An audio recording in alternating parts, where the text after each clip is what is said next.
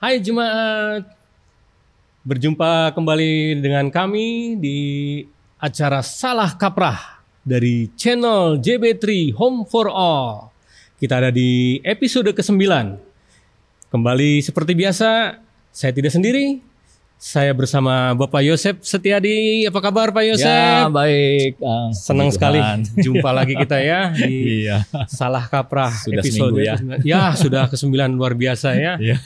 Ya, kita berharap dem- episode demi episode itu akan membuka wawasan kita selaku jemaat Tuhan agar kita lebih paham, lebih mengenal siapa Tuhan kita sesungguhnya. ya, Amin, Pak Yosef amin. ya. Baik, jemaat, kali ini di episode ke-9 kita akan membahas mengenai Allah memilih kita Iya. Atau ya atau apakah kita yang memilih ya, Allah betul. ya Allah memilih kita ataukah kita yang memilih Allah Iya. ya kaitannya dengan konsep keselamatan Pak Yosep Ya, betul. Keselamatan ya.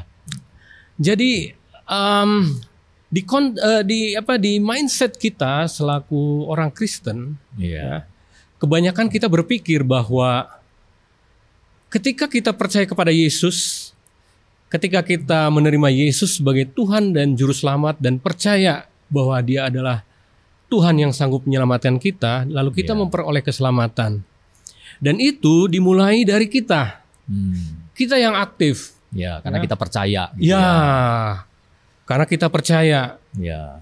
dan ketika kita percaya berarti di situ kita yang memilih Ya. Kalau Ya. kita tidak memilih untuk percaya, ya berarti kita Tidak, tidak, selamat. akan diselamatkan. Ya. Nah, menurut Pak Yosep, mindset seperti ini salah kaprah atau tidak sih? Ya, ya. Jadi kalau dikatakan kita yang memilih Allah, itu salah kaprah. Oh gitu Ya, ya. itu tidak alkitabiah. Hmm, Tapi Ya. walaupun faktanya kita kita Ya. yang duluan percaya. Ya, Meskipun jadi- ada meskipun ada orang Oh. eh, misal taruhlah ya ada seseorang yang menginjili ya. Ya. Lalu kalau kita tidak memutuskan untuk percaya, toh berarti kita tidak memilih. Ya, nah, jadi kita harus mundur dulu sedikit Oke, ya, karena baik, itu kan ya. berarti kita langsung mengamati dari saat seseorang itu menjadi percaya. Ya, ya. Ya, nah sedangkan Alkitab sebenarnya cukup jelas ya menggambarkan bahwa itu adalah satu rangkaian proses. Dan sekali lagi kita harus bisa melihat yang menangkap dari Alkitab siapa yang memulai gitu. Siapa Ya, yang memulai? jadi betul. Jadi pertanyaan tadi apakah kita yang memilih Allah atau Allah Mhm. memilih kita? ya. Ya, ya. Nah, mungkin sedikit latar belakang dulu. Mhm. Ya, sekali kita mencoba eh, cari nih salah kaprahnya dulu ya, di mana. Ya. Mengapa kalau dikatakan kita memilih Allah itu salah? Ya, Mhm. sebenarnya salahnya begini. Orang cenderung menganggap, ya ini asumsi yang salah, Mhm. bahwa manusia itu netral, gitu, Kang. Begitu ya. iya, jadi tidak ada kecondongan.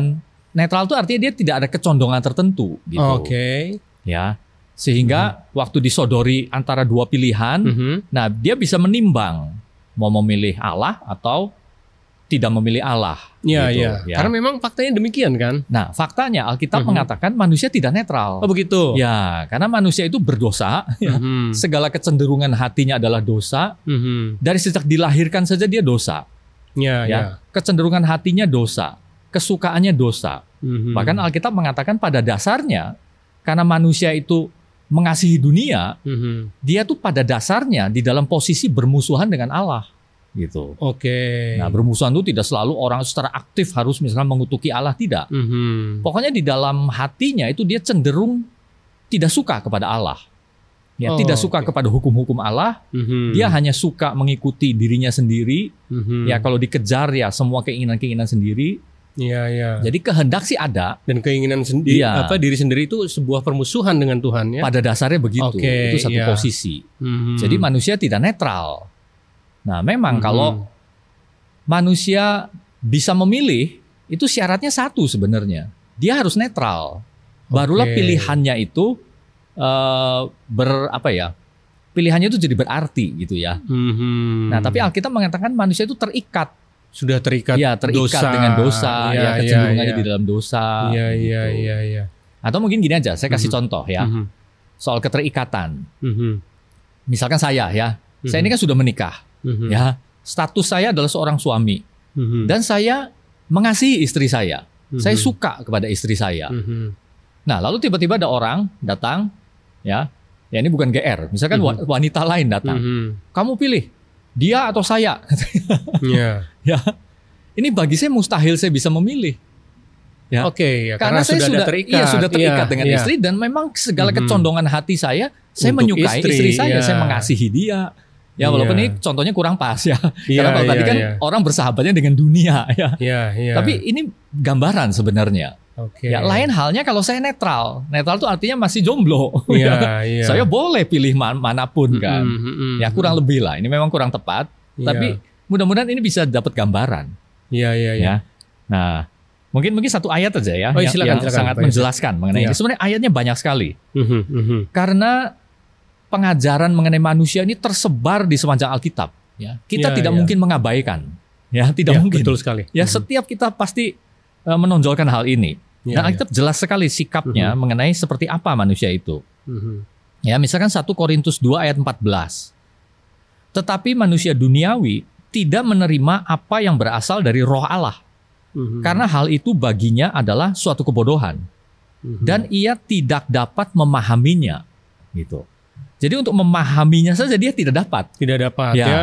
Di sini Mhm. Paulus membandingkan antara duniawi dengan rohani. Iya, iya, Ya. iya. Nah, setiap orang yang lahir tanpa Kristus kan, ya, Mhm, mhm. sebelum mengenal Kristus dia lahir di dalam dosa, itu duniawi pada hakikatnya. Mhm. Ya, kecenderungannya, keterikatannya. Mhm. Jadi ia tidak dapat memahaminya. Sebab hal itu hanya dapat dinilai secara rohani gitu. Mhm, mhm. Ya. Banyak banyak sekali. Misalkan Banyak satu sekali, lagi ya di Roma 8 ayat 7 sampai 8. Sebab keinginan daging adalah perseteruan terhadap Allah Mhm. karena ia tidak takluk kepada hukum Allah. Hal ini memang tidak mungkin baginya.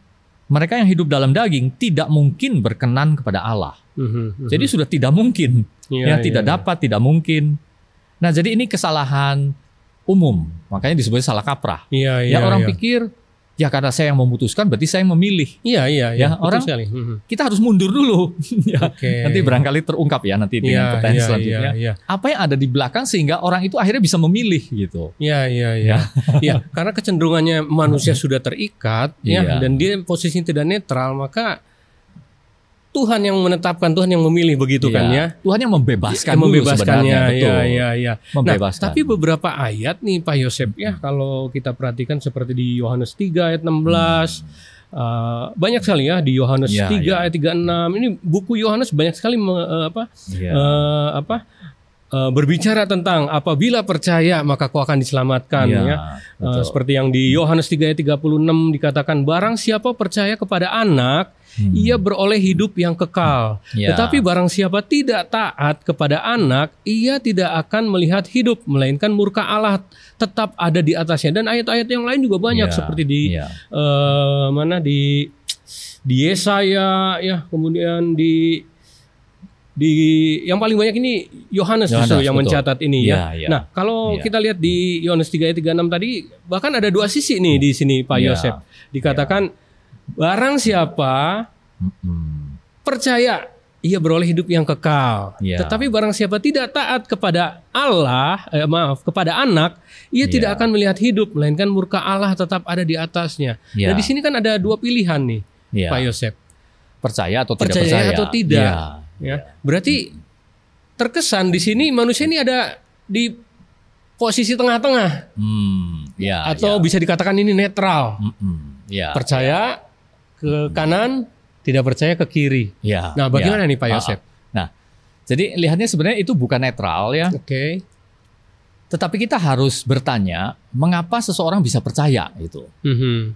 Karena kita pegang dulu yang pertama tadi bahwa orang pada dasarnya tidak Tidak- percaya pada dasarnya. Iya, iya, iya. Ya, ini doktrin yang susah untuk diabaikan. Mhm. Ya, jadi kalau kita bilang manusia pada dasarnya baik atau pada Mhm. dasarnya netral, Mhm. ya akan susah sekali dibuktikan di Alkitabnya.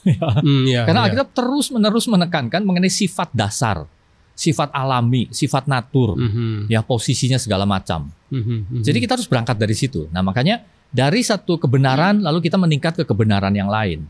Tapi begitu kita percaya bahwa manusia pada dasarnya baik, ya pada Mhm. dasarnya netral, polos, ya. Mhm. Kalau Mhm. netral itu kan polos, tergantung bagaimana ditulisinya, Iya, ya, atau iya. pengaruhnya gimana, Mhm. ya. Ya bisa saja ya, tapi jadi nanti ke atasnya semua kacau ya. Jadi Dan akhirnya ya. Ya, mungkin Mhm. Alkitabnya harus banyak direvisi atau kita ganti aja jangan pegang Alkitab. gitu. Tapi selama Mhm. kita memegangnya Alkitab, Mhm. Alkitab selalu mengatakan begitu. Oke. ya. Bahkan ada orang mengatakan, ya ini teolog-teolog zaman dulu, Mhm. manusia itu sebenarnya rusak total gitu. Iya iya iya. Dan ini bukan milik satu aliran saja gitu, bukan. Mhm. Ya, jadi kalau anggap saja ada dua aliran utama, Mhm. ya, dua-duanya percaya Iya. bahwa manusia memang rusak total Iya iya. gitu. Mhm. Ya, hanya nanti selanjutnya ada variasi. Mhm. Ya, tapi kalau kita mulai dari apakah manusia rusak total? Ya. Ya, Iya, semua iya. doktrin-doktrin yang ortodok Mhm. menganggap memang manusia rusak total gitu. Nah, jadi kaitan dengan Yohanes 3 ayat 16 misalkan Mhm, ya, barang mhm. siapa percaya Mhm. tidak binasa. Mhm. ya. Iya iya. Jadi begini, seperti saya katakan, kita harus mempertanyakan bagaimana seseorang bisa percaya gitu kan. Oke. Ya. Karena di semua ayat-ayat tadi, ya di Yohanes tadi terutama, tidak tidak dikatakan secara eksplisit bahwa orang bisa percaya karena dirinya sendiri, karena keputusannya, Mhm. atau kepercayaan itu berasal dari dirinya sendiri. Tidak ada. Karena Ya. ada pribadi lain yang menceritakan mungkin begitu ya. Ya, karena ada satu pengaruh Iya pengaruh dari eh, apa eksternal dari luar dari ya. eksternal. Iya. Nah, tapi pengaruh itu pun siapa yang mengendalikan, Iya. ya kan? Karena Injil itu asalnya kan dari Tuhan sendiri. Iya. Nah, iya. itu sebabnya sebelum ini kita harus mengerti konsep anugerah kan. Iya. Anugerah itu kan datangnya dari atas. Betul. Berupa satu pemberian yang cuma-cuma. Iya. Se- Murni karena kemurahan Allah. Bukan karena usaha sendiri. Bukan karena usaha Iya, sendiri. Iya. Ya, demikian pula kita harus selalu sejalan nih. Mhm. Berarti percaya manusia itu juga jangan startnya itu dari saya. Ya, tapi kita Mhm. harus tanya mundur dari mana, mengapa saya bisa percaya? Hmm, Gitu. Iya iya iya. Ya, iya. nah, ini juga salah kaprah. Orang langsung begitu melihat Yohanes ayat 3 oh, Yohanes 3 ayat 16, Mhm. salah kaprahnya langsung berarti nah itu berarti manusia yang memutuskan. Hmm, Iya, iya. Manusia yang memilih, Mhm. ya. Mhm. Nah, mungkin perumpamannya gini. Pakai contoh lagi ya. Iya iya. Misalkan eh zaman dulu ya, bukan zaman dulu. Misal orang di bioskop, ya, lalu Mhm. biasanya kan ada pengumuman kan, para penonton yang sudah memiliki karcis Mhm. silakan masuk ke teater 5, Iya. ya kan? Mhm. Para penonton yang sudah memiliki karcis, Mhm. langsung semua orang mengasumsikan bahwa karcisnya itu dia dapat beli dengan uangnya sendiri. Mhm. Padahal kan bisa aja karcisnya diberi oleh orang kan, Mhm. hadiah, ditraktir. ya, ditraktir, voucher, ya, Mhm. Iya, atau iya. dapat bonus. Mhm. Nah seperti Mhm. itu. Mhm. Nah, Jadi percaya kita asalnya dari mana? Ya, kalau tadi masih ada kemungkinan karcisnya Mhm. ada orang memberi, Mhm. ada juga orang bisa beli dengan uangnya sendiri. Mhm. Tetapi mengenai iman, Alkitab mengatakan dengan jelas Mhm. hanya dari Tuhan, hanya dari Tuhan. hanya dari Tuhan. Iya, Ya, jadi iya. sebenarnya di Yohanes sendiri sudah dijelaskan. Mhm. Ya, misalkan saya akan baca Yohanes 6 ya ayat 44. Mhm. Tidak ada seorang pun yang dapat datang kepadaku jikalau ia tidak ditarik oleh Bapa yang mengutus aku. Iya iya iya. Jadi kalau Yohanes 3 ayat 16 itu langsung mulai dari barang siapa percaya Mhm. ya Mhm. dia akan beroleh hidup yang kekal, tidak Mhm. binasa melainkan beroleh hidup. Langsung mulainya itu dari sini kan. Iya iya. Ya, itu di situ tidak disebut mengenai sebelumnya backgroundnya mengapa dia bisa ada di posisi itu. Nah, Mhm. ternyata dijelaskannya di Yohanes 6 ayat 44. Oke. Karena dia ditarik oleh Bapakku. oleh Bapak. Ya, Hmm, anugerah iya. itu bekerja. Mhm. Ya, sehingga Mhm. ada orang yang memberitakan Injil, sehingga telinganya mendengar, hatinya iya. tersentuh. Iya iya. Lalu dia memutuskan untuk percaya. Nah, Mhm. tapi orang langsung mulai dari percaya dan tanpa ada dasar apa pun, langsung Mhm. memutuskan percaya itu dari dirinya sendiri. Oke. Dialah sendiri yang memutuskan. Salah, Mhm. kita harus mundur. Mhm. Nah, mundurnya itu sangat jelas sebenarnya. Karena ini kan sudah kalimat yang sudah eksplisit sekali. Tidak ada seorang pun dapat datang. dapat data. Jadi ini seperti syarat. Iya, iya. Syaratnya harus apa? Harus ditarik oleh Bapa. harus ditarik oleh Bapak. Betul, yang Iya. mengutus Yesus itu. Oke. Dan Bapak oke. menarik dengan segala macam cara. Mhm. Dan ini kan sampai Tapi kan ditegaskan. tetap, tetap pilihannya di manusia juga.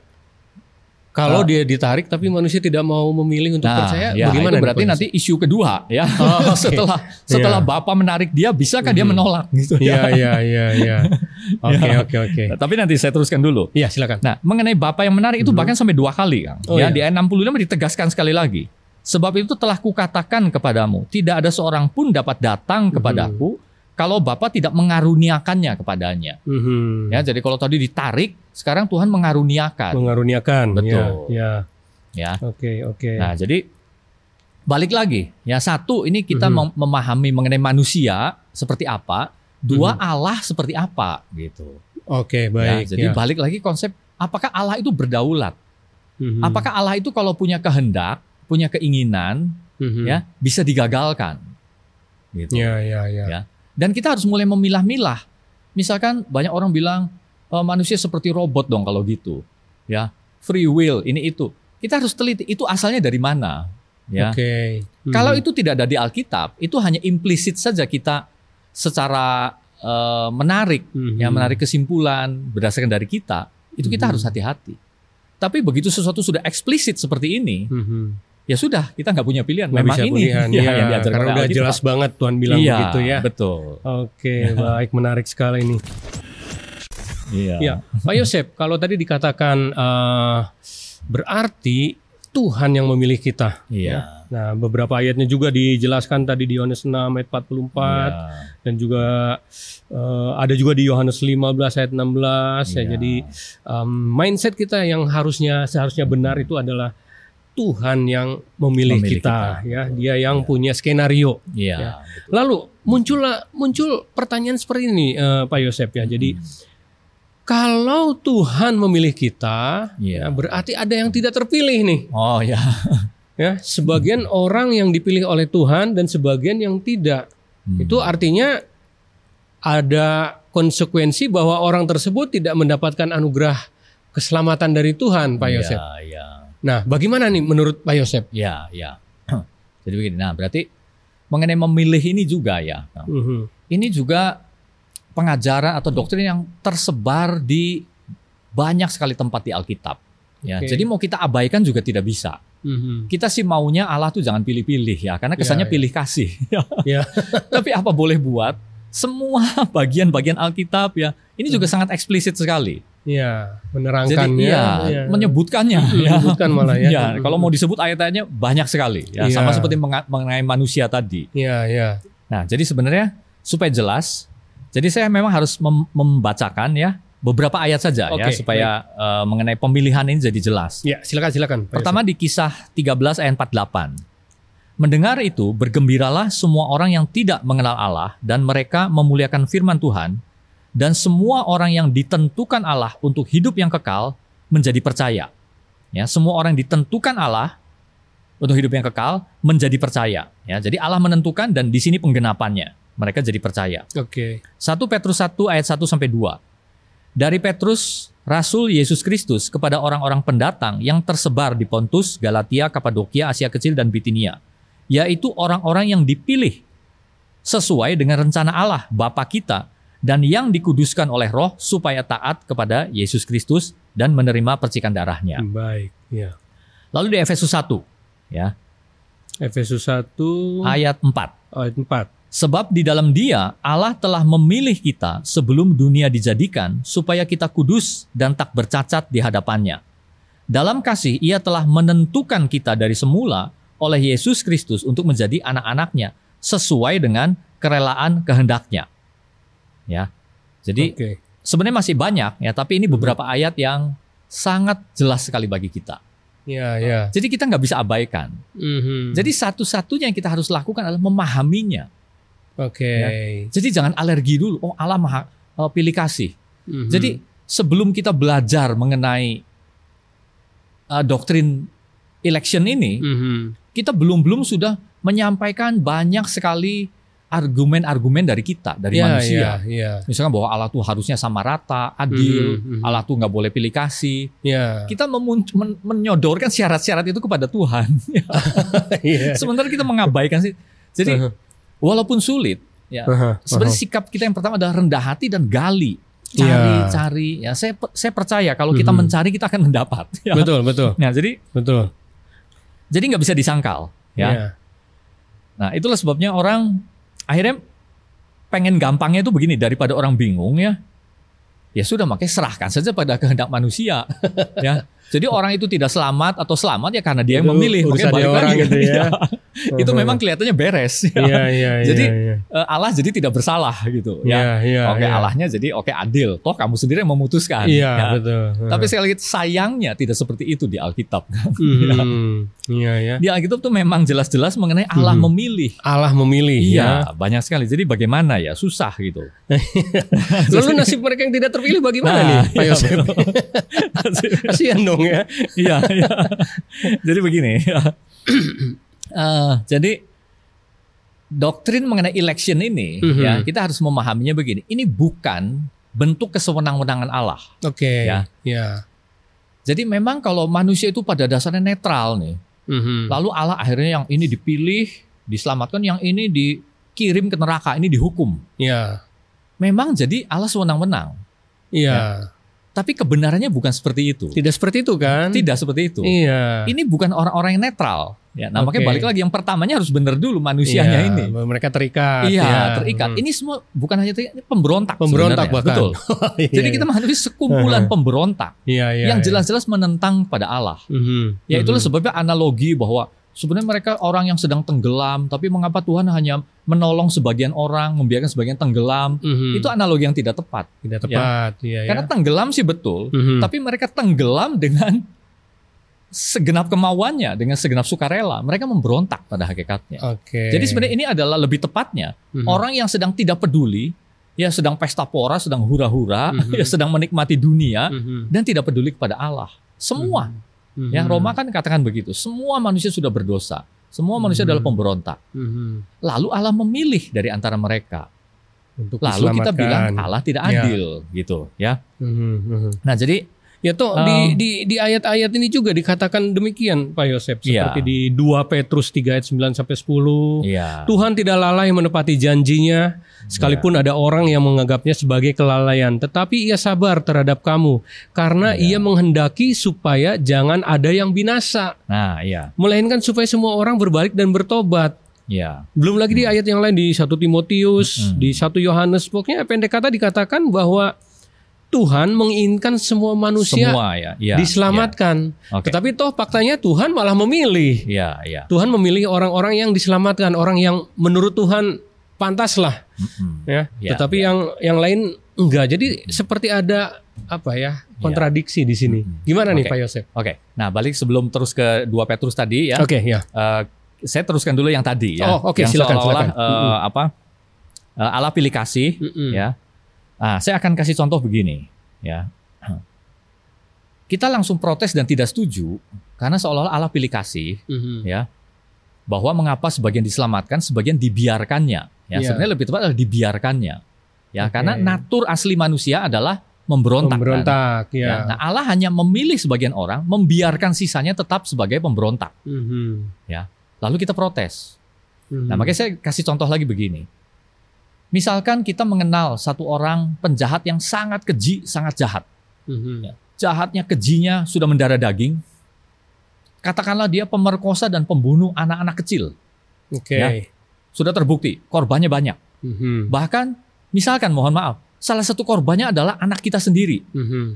Ya, kita dengan segala kedukaan, segala sakit hati melihat orang ini ditangkap, Mhm. ya, diadili. Waktu diadili orang ini masih semena-mena. Mhm. Ya, dia bahkan mengancam-ngancam yang hadir. Ya, Mhm. ada kan? Tidak ada rasa bersalah. Tidak rasa bersalah bahkan Ya. dia kan ada misalkan yang pembom itu aja ya. Iya, iya, Pembom iya, yang teroris mana, ya. iya, teroris itu. Waktu diadili dia bilang menyesal Mhm. karena korbannya kurang banyak katanya. Iya, Sayang yang matinya cuma segitu. Saya ingin Hmm. yang mati lebih banyak. Kan iya. ada orang seperti itu. Iya, iya. Ini juga bilang begitu. Aha. Ya coba bayangkan. Mhm. Lalu waktu diadili dibawa ke pengadilan, dia meloloskan diri lagi. Iya, iya, iya. Waktu dalam pelarian memperkosa, membunuh lagi. Mhm. Sampai akhirnya ditangkap lagi. Mhm. Nah akhirnya hakim mau tidak mau menjatuhkan vonis hukuman mati. Mati. Mhm. Kita ya lebih mudah untuk setuju. Mhm. Ya. Mhm. Karena sudah terbukti anak kita sendiri jadi korban. Iya. Ya, ancaman-ancaman potensialnya begitu nyata. Mhm. Kita mudah setuju. Kan? Iya, iya, iya. Karena apa? Karena kita tahu kasusnya. Betul. Kita ikut menimbang, Mhm. kita ikut merasakan, Mhm. ya, dan kita rasa oke itu adil. Dan produk hukum pun mengatakan Iya, bahwa dia layak seperti dapat itu. hukuman mati Iya. ya. Nah, Mhm. sekarang pertanyaannya, mengapa pada waktu kita bilang Allah membiarkan sebagian orang untuk menuju kebinasaan, kita langsung protes, Hmm, gitu. mhm. Ya, karena kalau tadi kan jelas kasusnya dan pertimbangan kita ada di situ. Ya, ya. Tapi begitu pertimbangan itu kita serahkan kepada Allah, Mhm, biarlah Allah yang memutuskan dengan kedaulatannya, Mhm. dengan pertimbangannya, dengan keadilannya maksudnya. mhm. Kalau Ya, yang ya. tadi mengapa kita mudah setuju? Karena kita merasa itu adil. Ya, Ya. ya. Tapi Mhm. begitu ini penjahat tunggal tadi diganti dengan wajah-wajah tanpa nama, ya berupa satu hipotesa Mhm, bahwa Allah membiarkan sebagian orang untuk mhm, menuju kebinasaan. mhm. Kita langsung protes Allah nggak adil. Ya, ya, ya. Itu sebenarnya karena kita tidak percaya pada keadilan Tuhan. Ya, ya. Kalau kasus tadi penjahat saja kita setuju, ya. Mhm. Tapi mengapa yang ini kita tidak setuju? Oke. Ya, karena kita nggak tahu kasusnya. Jangan-jangan Allah menghukum orang yang tidak bersalah. Hmm. Sebenarnya itu yang tersembunyi kan. Iya, misterinya ya. Jangan-jangan iya ada Hmm. orang baik lalu Tuhan hukum. Mhm. Bagaimana kalau Tuhan bisa membuktikan kepada kita ya berdasarkan keputusan kehendaknya keadilannya Mhm. bahwa itu adalah yang terbaik. Ya seperti kita setuju penjahat tadi dihukum Mhm. mati itu memang cara terbaik Mhm. gitu. Mhm. Iya, iya. Ya mudah-mudahan ini bisa menangkap. Iya, kan? iya, iya. Jadi versi Jadi- keadilan yang Tuhan punya itu sulit untuk terpikirkan oleh akal budi kita ya. Tapi pasti itu sempurna. Sempurna. Pasti benar. Iya, karena Iya. sifat Tuhan sempurna. Benar. Tuhan tidak mungkin salah hukum Iya, oke. dan Tuhan tidak mungkin salah pilih. Hmm, iya, Bagaimana kalau kita dorong semua orang untuk percaya pada hal ini? iya. Mhm. Kalau Tuhan memilih, berarti semua sesuai dengan apa pun yang sempurna bagi Tuhan. Oke. Kebaikannya, keadilannya, Mhm. kedaulatannya, kemahatauannya. Mhm. Ya, hanya Iya. gara-gara kita nggak tahu. Kita Iya, khawatir sebenarnya. Jangan-jangan orang ini sebenarnya baik lalu Tuhan biarkan masuk neraka. gitu. Iya, iya, iya. Ya kalau mau jujur itu yang tersembunyi di benak kita, kita kurang percaya sebenarnya Oke. pada pemilihan Tuhan. Sehingga kita inginnya sih diserahkan saja kepada manusia versi Tuhan. kita. Iya, itu kita yang lebih paham Iya. karena kita langsung melihat ya betul kondisi betul. Nah, sosial itu yang dia. ada itu. betul. Kalau ini orangnya jahat banget ya, Iya, ah, iya, Tuhan iya. pantas hukum. Tapi hati-hati Tuhan jangan salah hukum. Iya, iya, iya, betul juga. Iya, Jadi ya. dok- doktrin yang mengenai election itu ini. Ya. Oke, oke, Jadi oke. dari sini saya sih secara pribadi bisa Mhm. memahami Mhm, karena saya akan terus-menerus berusaha percaya mhm, bahwa semua orang yang Tuhan pilih mhm. ya itu murni karena segala keputusan Tuhan yang paling sempurna. Iya, iya. Dan iya. orang yang Tuhan biarkan ini juga bukan gara-gara Tuhan kejam, Mhm. ya tapi ini juga berdasarkan pertimbangan yang paling indah, paling sempurna. Iya, iya. Dengan iya. kata lain gini, percayalah Tuhan tidak salah memilih Mhm. dan Tuhan tidak salah menghukum. Maksud saya gitu. Iya, betul sekali ya. Oke, oke. Tapi kalau kita khawatir Tuhan salah menghukum, ya jadi kurang nyaman kita. iya, iya, iya. Iya, wah menarik sekali ya. Iya. iya. Baik, jemaat, menarik sekali diskusi kita ya. Semakin hot mengenai apakah kita memilih Allah atau Allah yang memilih kita. Yang tadi dikatakan bahwa em, apa ya manusia posisinya tidak terikat ya. sehingga Tuhan sendiri yang menetapkan. Lalu kemudian eh, apa ya Tuhan memilih. Tuhan memilih ya. Lalu kemudian kalau Tuhan yang memilih berarti akan ada yang tidak terpilih ya. Iya. Sementara di mindset kita kita terbiasa dengan kata bahwa Tuhan tuh sangat mengasihi seluruh umat manusia. Bahkan tidak ada satupun yang yang yang berharap hancur dan binasa. Iya. Ya, beberapa ayat tadi saya sudah sampaikan ya. Nah, ini bagaimana nih dengan eh, dengan konsep Alkitab yang me- menyatakan bahwa Allah mengasihi seluruh umat manusia dan berharap semuanya diselamatkan, Pak Yosef. Iya. Tetapi ter- ternyata kontradiksi ya bahwa Tuhan sebenarnya yang memilih. Iya. Bagaimana nih, Pak Yosef? Iya. Oke, jadi balik lagi ke 2 Petrus Ya. 3 ayat 9 tadi ya. Ya, yang tadi ya. Tuhan tidak Mhm. lalai menepati janjinya, sekalipun ada orang yang menganggapnya sebagai kelalaian. Tetapi ia sabar terhadap kamu, karena ia menghendaki supaya jangan ada yang binasa, melainkan supaya semua orang berbalik dan bertobat. Oke, Ya. ya. Mhm. Nah yang pertama, sebenarnya 2 Petrus 3 ini, konteksnya bukan tentang keselamatan. Oke. Ya. Ini konteksnya adalah tentang kedatangan Kristus yang kedua kali. Ini kan dikatakan kata semua ya. Iya, Mungkin iya. yang bikin kita tanda tanya adalah kata semua. Semua iya, Ya. betul. setiap kali Alkitab mengatakan kata semua, ini juga agak salah kaprah. Oke. langsung yang kita pikir yang dimaksud adalah semua manusia Seluruhnya. seduni- Hmm, sedunia ya Hmm. universalisme gitu Iya, ya oke. universal gitu Mhm. ya nah itu sampai kita harus hati-hati ya melihat konteks melihat eh, bagaimana penggunaan kata-katanya harus teliti Oke. ya jadi misalkan aja ini jelas bahwa Paulus sebenarnya bedakan ini ya antara orang-orang yang disebutnya se- sebagai saudara-saudara yang kekasih Nah, Oke. di situ Petrus memakai kata kamu ya. Jadi kata-kata ganti orang kedua ya, kedua Mhm. tunggal. Iya, ya. iya. Orang ke satu tunggal kan saya, Saya. kedua tunggal kamu. Kamu ya. Lalu mengenai orang itu ya, dia pakai kata mereka. Ya, jadi Mhm. kata ketiga jamak, orang ketiga jamak Mhm, ya. mhm. Jadi jelas di sini ya, kamu dan mereka. Jadi penggolongan ini sebenarnya sudah jelas. Mhm, Nah, lalu setiap kali ada kata semua, kita pikir seisi dunia. mhm. Ya, tidak, sebenarnya tidak. Oh begitu Ya, ya. betul. Ya, karena apa?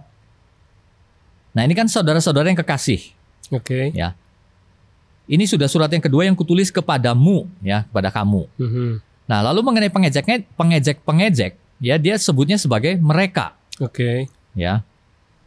Di sini Petrus sangat jelas yang membedakan antara orang-orang yang terpilih dengan orang-orang yang bukan. Oke. Ya, misal waktu dia bilang ini surat yang kedua. Ya, jadi kita lihat surat yang kesatunya. Oke. Ya, nah di surat yang ke satu itu Petrus sangat jelas sekali mengatakan mengenai orang-orang yang terpilih. Oh, ya, ini oke. ada di bagian salam, Mhm. yaitu orang-orang yang dipilih sesuai dengan rencana Allah. Oke. Ya, jadi saya ulangi sedikit ya. Mhm. Dari Petrus, Rasul Yesus Kristus kepada orang-orang pendatang yang tersebar di Pontus, Galatia, Kapadokia, Asia Kecil dan Bitinia, Mhm. yaitu orang-orang yang dipilih sesuai dengan rencana Allah Bapa kita dan yang dikuduskan oleh Roh supaya taat kepada Kristus, kepada Yesus Kristus. Ya. Jadi orang-orang yang dipilih sesuai dengan rencana itu pasti akan dikuduskan Mhm. supaya taat kepada Kristus dan menerima percikan darahnya. Mhm. Nah, mungkin mengenai kata semua, yaitu saya harus teruskan di 1 Timotius 2. Ya, Oke. ini tadi sudah disebut ya. Mhm. Di sini dikatakan apa? Menghendaki supaya semua orang diselamatkan Mhm. dan memperoleh pengetahuan akan kebenaran. Mhm. Langsung kita pikir semua berarti seisi dunia. Universalisme. Ya. Nah, sekali lagi makanya kita tidak bosan-bosannya menekankan mengenai konteks. Iya, Ya. iya, iya. Konteks mundur saja sedikit dari ayat 1. Mhm. Ya, ayat 1 dikatakan apa? Pertama-tama aku menasehatkan naikkanlah permohonan, doa syafaat dan ucapan syukur untuk semua orang, Oke. untuk raja-raja dan untuk semua pembesar agar kita dapat hidup tenang dan tentram dalam segala kesalehan dan kehormatan. Ya. Jadi di sini Paulus sedang menyebut mengenai tipe orang sebenarnya. Ya. Oh gitu ya. Ya, betul. Mhm. Jadi ini kita harus lihat kamus ya. Oke. Jadi kata semua, ya kan, Mhm. sama seperti di eh, Petrus tadi. Mhm. Begitu ada kata semua, ya bahasa Yunani pas, Mhm. ya langsung kita pikir seisi dunia. Sisi dunia. Mhm. Padahal di dalam penggunaan Alkitab, seperti dengan konteksnya dan ap- dan lain sebagainya, pas Mhm. atau kata semua itu bisa bermakna individual. Oke. Kalau individual berarti setiap orang, Setiap orang. masing-masing, Mhm. Mhm. atau bisa juga bermakna secara kolektif. Oke. Ya, kalau secara kolektif berarti beberapa tipe, Oke. ya, atau Ini maksudnya eh, suku, ras. Nah, makanya di sini pembesar kan. Oke. Ya, di sini disebut pembesar. Oke, oke. Jadi maksudnya orang tuh banyak tipe, Mhm. ya. Ada pembesar, ada bukan Hmm, pembesar, iya, ada iya, rakyat iya. jelata, Iya, iya, ya. iya. Ada tipe-tipe orang, Mhm, mhm. ya. Nah, semua tipe jadi yang dimaksud. Oke. Ya, jadi maksudnya Tuhan tidak memandang latar belakang, tidak memandang golongan, Mhm, tapi dari setiap golongan mhm. Tuhan mengasihi. Oke. Itu oke. maksudnya. Mhm. Ya, jadi oke, diperjelas gini aja. Misalkan ya, saya sedang di dalam ruangan ini, Mhm, ya, bersama sekelompok orang. Saya mengundang 20 orang. mhm, Ya, lalu sudah jamnya jadi akan mulai kan. mhm. Lalu saya akan bertanya, apakah semua orang sudah datang? Nah, Ya, jelas konteksnya kan. Yang konteksnya dimaksud adalah 20 orang ini yang apakah sudah diundang datang? ini, Betul. iya, Ya. Jelas yang saya maksud bukan apakah seluruh dunia sudah datang ke sini. iya, iya, Begitu, iya. ya. Jadi asal kita teliti saja di situ. Oke, jadi konteks yang di ayat tadi Iya. semua orang yang dimaksud itu adalah semua orang yang terpilih. Betul, karena itu Oke. sudah dikatakan di Petrus. Iya, ya. iya, Kita harus- itu iya, kan surat iya. kedua. Iya, surat iya. kesatunya apa? Dan Mhm. dari caranya dia me- memakai kata ganti tadi kan sudah jelas Iya, sekali. iya, Ya, iya, dari iya. aku, kamu, mereka. ya. Mhm, iya, Lalu di iya. ayat eh, pasal 1 ayat 1 dia bilang orang-orang terpilih dikuduskan. Mhm, mhm. Ya, jadi apa yang ada di kepalanya Petrus ini jelas. Iya, ya. iya, Sama iya. seperti apa yang ada di dalam benaknya Paulus waktu menulis Oke. gitu. Ini dua orang yang sangat mengerti mengenai Mhm. pemilihan Allah. Ya, Iya, jadi iya. ini dua orang yang tidak menganut universalisme gitu. Iya, iya, ya, iya, iya. begitu Kang. Oke. Jadi walaupun ini bagi beberapa, aduh kok mengada-ada sekali, kenapa harus dibahas? Ya bagaimana tidak ya? Mhm, Karena se- seperti tadi kita harus mulai awalnya itu tadi. mhm, mhm. Memang sih kita maunya mudah sekali. Pokoknya kalau Tuhan menyelamatkan Mhm. isi dunia, Mhm. lalu kenyataannya kan tidak semua orang. Iya, iya. Kembalikan saja kepada manusia. Iya, Tapi itu berarti harus membongkar semua pengajaran-pengajaran yang ada di Alkitab. Iya, iya. Pertama iya. kita harus akui cari ayatnya bahwa manusia netral. Mhm, Ya. mhm, Kedua bahwa Allah ternyata membiarkan. mhm, Allah tidak berdaulat, Allah tidak aktif, Allah tidak memilih. mhm, mhm. Ya. Nah, jadi itu. Dari kebenaran yang satu, keyakinan yang satu akan memimpin kepada keyakinan yang lain, Iya, kebenaran iya. yang lain. Iya, iya. Sehingga masalah detail-detail mengenai kata semua, kata apa, itu kita mudah memahaminya. Iya, iya. Tapi kalau dari awalnya fondasinya sudah beda, Mhm. ya memang nanti ke atasnya beda terus gitu kan. Iya, Ya, iya, jadi iya. ini tergantung kita yang mana dan saya sarankan sepanjang yang saya cari dari Alkitab seperti itulah Allah kita. Dia memilih, dia berdaulat. Gitu. Hmm, iya, iya, Ya. iya. Jadi maksudnya begini ya, Mhm. eh, mungkin ini sebagai sedikit apa ya eh, kesimpulan ya. Oke, ya silakan. Nah. Kalau dikatakan Allah menyelamatkan, Mhm, itu dia benar-benar menyelamatkan. mhm, Itu faktual, itu efektif, itu nyata. mhm, Itu bukan satu kemungkinan. Mengapa kemungkinan? Karena diserahkan pada manusia. Allah menghendaki orang selamat, tetapi akhirnya gara-gara manusia menolak, jadinya tidak selamat. Mhm. Jadi sebenarnya ini kehendak Allah yang tidak kesampaian gitu. Iya, iya. Kesannya begitu ya. Kesannya begitu. Iya. Bukan seperti itu di Alkitab. Oke, oke. Pada waktu Yesus mati di kayu salib, dia sungguh-sungguh itu. Mhm, Ya secara faktual dia menebus. Dia mengambil tawanan-tawanan. mhm, Dia menyelamatkan. Jadi bukan hipotesa lagi. mhm, Ya. mhm. Jadi bukan 50-50 gitu. Iya, iya, iya. Ya. Apalagi keputusannya akhirnya di manusia. Iya, yang iya. bukan. Keputusannya sekali lagi ada di Tetap Allah kita. Di Allah ya. Betul. Iya, Ya. iya. Jadi waktu Yesus mati di kayu salib, itu sungguh-sungguh menempatkan kita orang-orang yang dipilihnya Mhm, sebagai orang benar, sebagai orang yang memang selamat gitu. mhm, mhm. Bukan mungkin selamat gitu. Iya, iya, iya. Bukan mungkin ada kemungkinan dia menjadi orang benar. Mhm, Ya. mhm, Kalau dalam bahasa Inggris jadi enak. Bukan savable, mhm. tapi memang kita sudah safe. udah save Gitu ya already ya. Ya, kalau savable baru dalam posisi ada kemungkinan Ada kemungkinan diselamat. tidak Betul, ya. malah ya. ya. Atau bukan reconciliable. Oh, Oke. Ada oke. kemungkinan bisa didamaikan. Bukan, Mhm. kita memang sudah didamaikan. Iya, iya, iya. Ya. Jadi itu faktual. Mhm, Jadi maksudnya itu adalah benar-benar penebusan yang aktual yang sudah final. Ya mhm. di atas Kalvari itu benar-benar sudah final. Ya, ya, ya. Ya, jadi jangan kita eh, merusak ya, iya. atau membelokkan atau bingung. Mhm, Ya, iya, percaya saja pada keadilan, pada keputusan Allah iya, yang iya. sempurna itu yang terbaik. Iya, iya. Ya, jadi jangan diterapkan aduh bagaimana orang ini kelihatannya baik Mhm. ya. Jangan-jangan nanti nggak selamat. Versi kita Iya, begitu ya. versi kita Iya, begitu iya. ya. Artinya kita masih ragu-ragu. Masih gitu. ragu. Ya, Versi Uh-uh. Tuhan beda lagi ya. betul. Ya, Silaka kalau kita sempurna. sampai meragukan versi Tuhan ya. Iya. Karena dia yang berdaulat ya. betul. Iya, iya baik. Oke. Begitu. Kang. Iya. Oke, Iya. ya. Jemaat luar biasa eh, diskusi kita hari ini tentang mengenai Allah memilih kita. Ya, sudah dibahas banyak oleh Pak Yosef tadi panjang lebar dan juga ayat-ayat yang mendukung perbincangan kita saat ini. Dan saya yakin dan percaya jemaat yang di rumah juga yang menyaksikan diskusi kita di Salah Kaprah episode ke-9 ini bisa memahami bahwa konsep yang benar adalah Allah sendiri yang memilih kita. Allah yang sudah menetapkannya dengan versi keadilan yang dia miliki. Versi keadilan Allah kadang-kadang sulit dimengerti oleh kita karena kita terbatas.